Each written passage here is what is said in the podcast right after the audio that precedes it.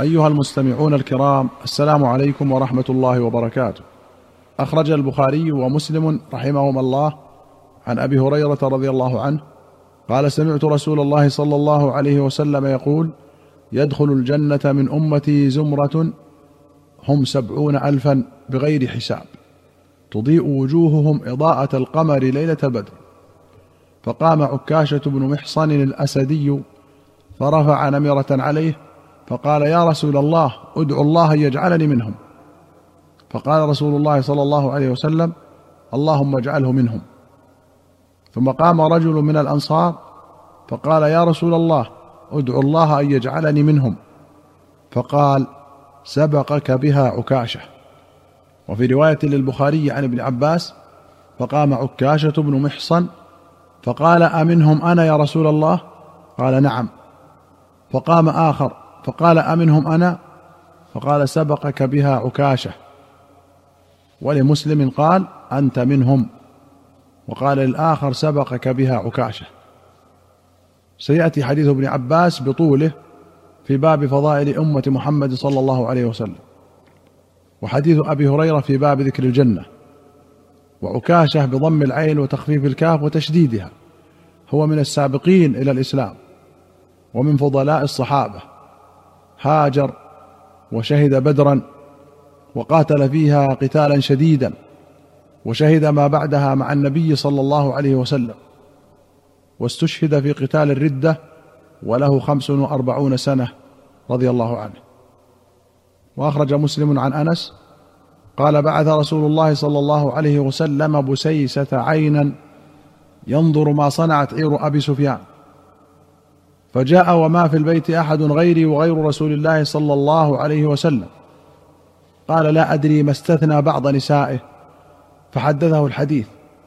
فخرج رسول الله صلى الله عليه وسلم فتكلم.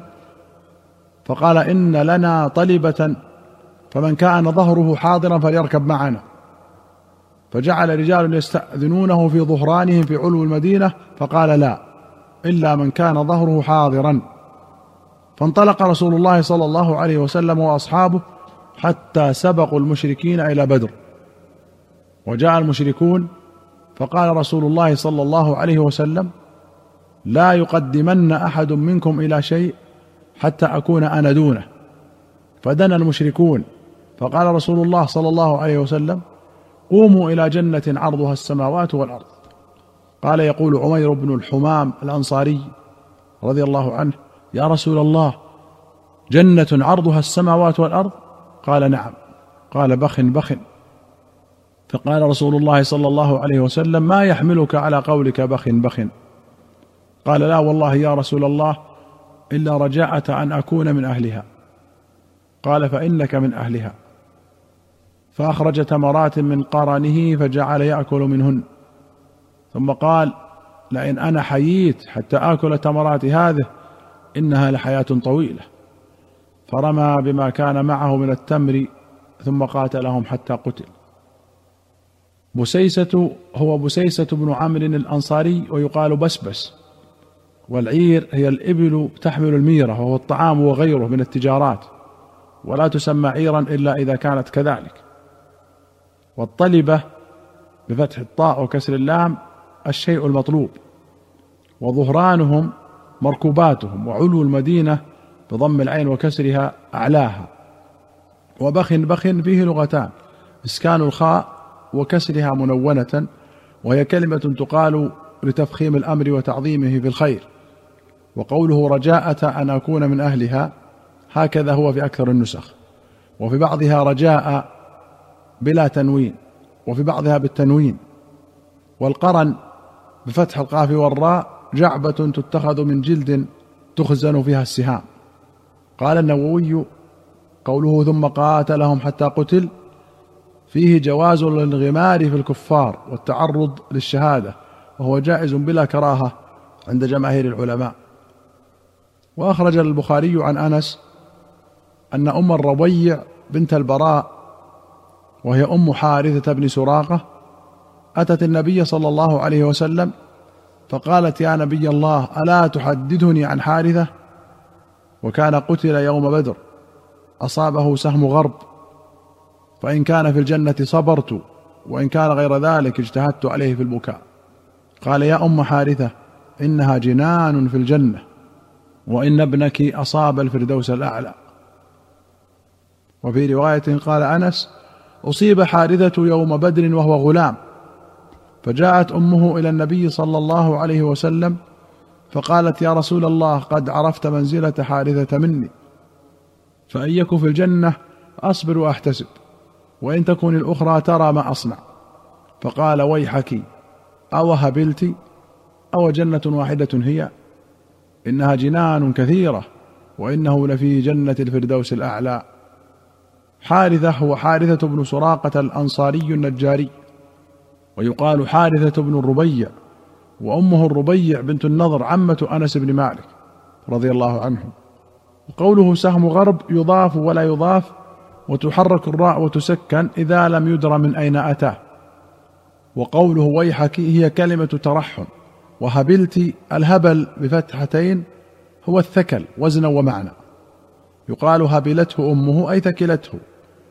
ويستعمل في المدح والإعجاب كقوله صلى الله عليه وسلم ويل أمه مسعر حرب. واستعاره هنا لفقد العقل مما أصابها كأنه قال أفقدت عقلك بفقد ابنك. وأخرج البخاري عن عبد الله بن عامر بن ربيعة وكان من أكبر بني عدي وكان أبوه شهد بدرا مع رسول الله صلى الله عليه وسلم. قال إن عمر استعمل قدامة بن مضعون على البحرين وكان ممن شهد بدرا. وهو خال عبد الله بن عمر وحفصة. وأخرج البخاري عن أنس أن النبي صلى الله عليه وسلم نعى زيدا وجعفرا وابن رواحة للناس قبل أن يأتيهم خبرهم. فقال أخذ الراية زيد فأصيب ثم أخذها جعفر فأصيب ثم أخذها عبد الله بن رواحة فأصيب. وما يسرنا أنهم عندنا أو قال ما يسرهم أنهم عندنا. وإن عيني رسول الله صلى الله عليه وسلم لتذرفان قال ثم أخذها خالد بن الوليد من غير إمرة ففتح له. وفي رواية حتى أخذها سيف من سيوف الله حتى فتح الله عليهم. وأخرج البخاري عن ابن عمر قال أمر النبي صلى الله عليه وسلم في غزوة مؤتة زيد بن حارثة. فقال إن قتل زيد فجعفر. وإن قتل جعفر فعبد الله بن رواحة. قال ابن عمر فكنت معهم في تلك الغزوة فالتمسنا جعفرا فوجدناه في القتلى ووجدنا فيما أقبل من جسده بضعا وتسعين بين طعنة ورمية. وفي رواية أنه وقف على جعفر يومئذ وهو قتيل فعددت به خمسين بين طعنة وضربة ليس منها شيء في دبره. وأخرج البخاري عن الشعبي أن عبد الله بن عمر كان إذا سلم على عبد الله بن جعفر قال السلام عليك يا ابن ذي الجناحين. كان ابن عمر يشير إلى ما أخرجه الترمذي والحاكم عن أبي هريرة عن النبي صلى الله عليه وسلم قال مر بجعفر الليلة في ملأ من الملائكة وهو مخضب الجناحين بالدم. وما أخرجه الطبراني عن عبد الله بن جعفر قال قال لي رسول الله صلى الله عليه وسلم هنيئا لك. أبوك يطير مع الملائكة في السماء. أيها المستمعون الكرام إلى هنا نأتي إلى نهاية هذه الحلقة. حتى نلقاكم في حلقة قادمة إن شاء الله. نستودعكم الله. والسلام عليكم ورحمة الله وبركاته.